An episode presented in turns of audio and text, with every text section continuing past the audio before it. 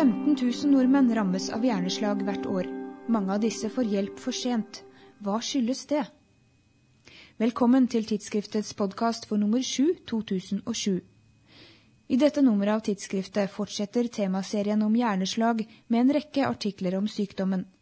Medisinsk redaktør Jan Frikk, som har redigert temaserien, mener dette er et viktig felt å rette søkelyset mot. Hjerneslag er en av de store folkesykdommene. Vi regner med at eh, ca. 15 000 mennesker rammes av hjerneslag hvert år i Norge. Og Vi snakker da om hjerneinfarkter og hjerneblødninger, og eh, i noen tilfeller også venetromboser i eh, hjernen.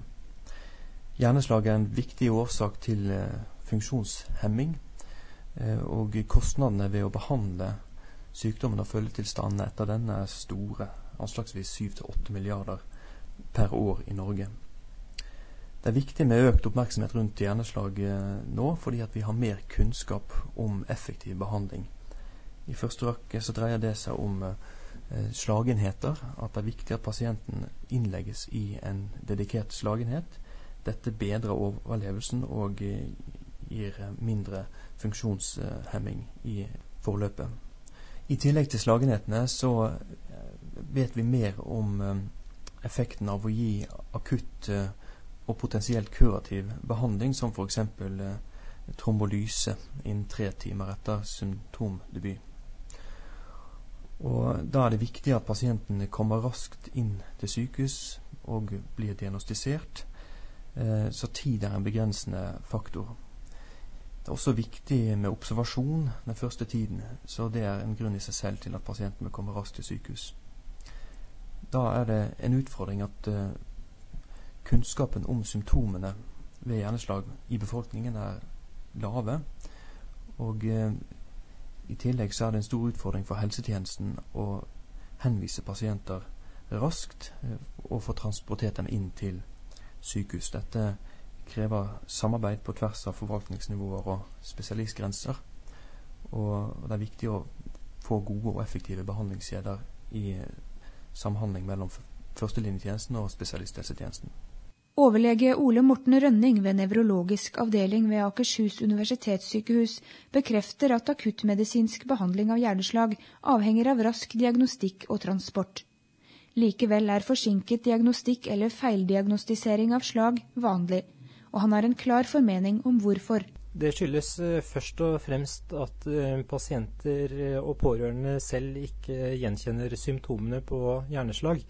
I tillegg så mm, er det mange blant helsepersonell som er usikker på hvilke symptomer som kjennetegner hjerneslag. Hva er da konsekvensene for disse pasientene? For mm, en stor andel slagpasienter betyr det at man mister muligheten til hyperakutt eh, behandling, som f.eks. trombolyse. Pasienter som skal til trombolytisk behandling må på sykehus eh, innen to-tre timer, og behandlingen må starte innen tre timer. Eh, jo lengre tid det går fra pasienten eh, kommer inn til, inn til sykehusbehandling for et slag, jo større del av hjernen kan bli skadet etter hvert som, som tiden går. Rønning har skrevet artikkelen 'Hvordan stille diagnosen akutt hjerneslag'. Her forklarer han at de sikreste tegnene er halvsidige lammelser eller unilaterale nevrologiske utfall som oppstår akutt eller er til stede ved oppvåkning. Over 80% av slagpasientene har lammelser i en arm, 60-70% i et ben, og over 50% har lammelser i ansiktet. I tillegg har hver syvende pasient delvis synstap i form av hemianopsi, og hver fjerde pasient har taleforstyrrelse. Diagnosen er først og fremst en klinisk diagnose.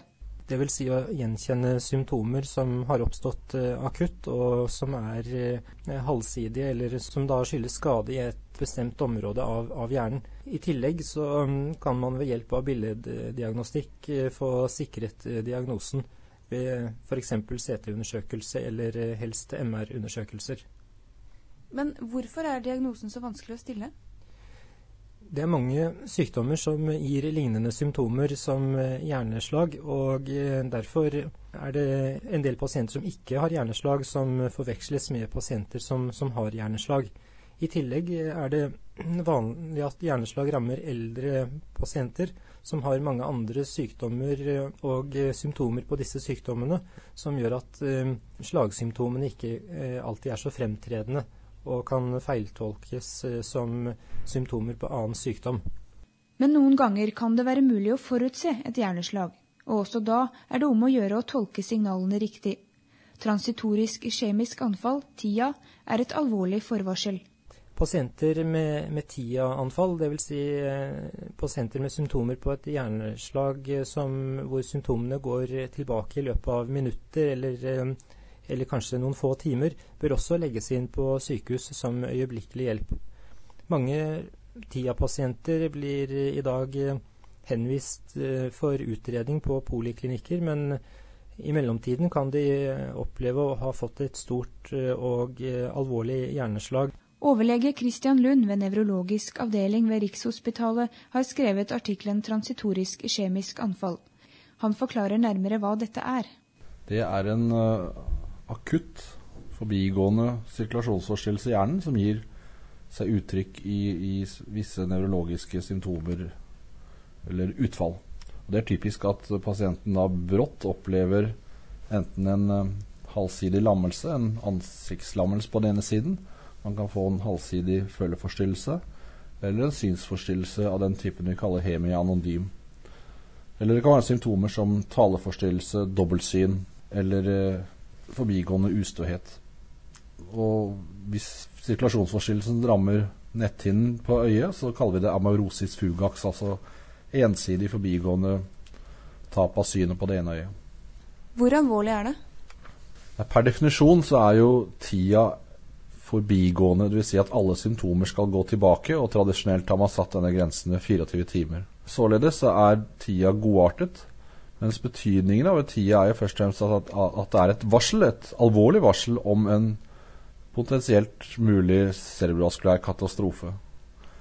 Det er fordi nyere studier har vist at det er ganske hyppig at hjerneslaget, det iskjemiske hjerneslaget rammer samme dagen eller dagene eller de første ukene til måneden etter den tida.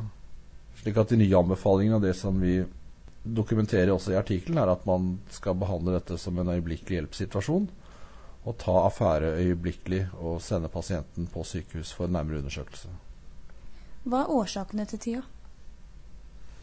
Årsaken til denne brå sirkulasjonsforstyrrelsen er som regel at det kommer opp eh, blodpropper eller embolier til hjernen, hvor, hvor embolus okkluderer da et større eller mellomstort hjernekar, forbigående, men da spontant løses opp igjen.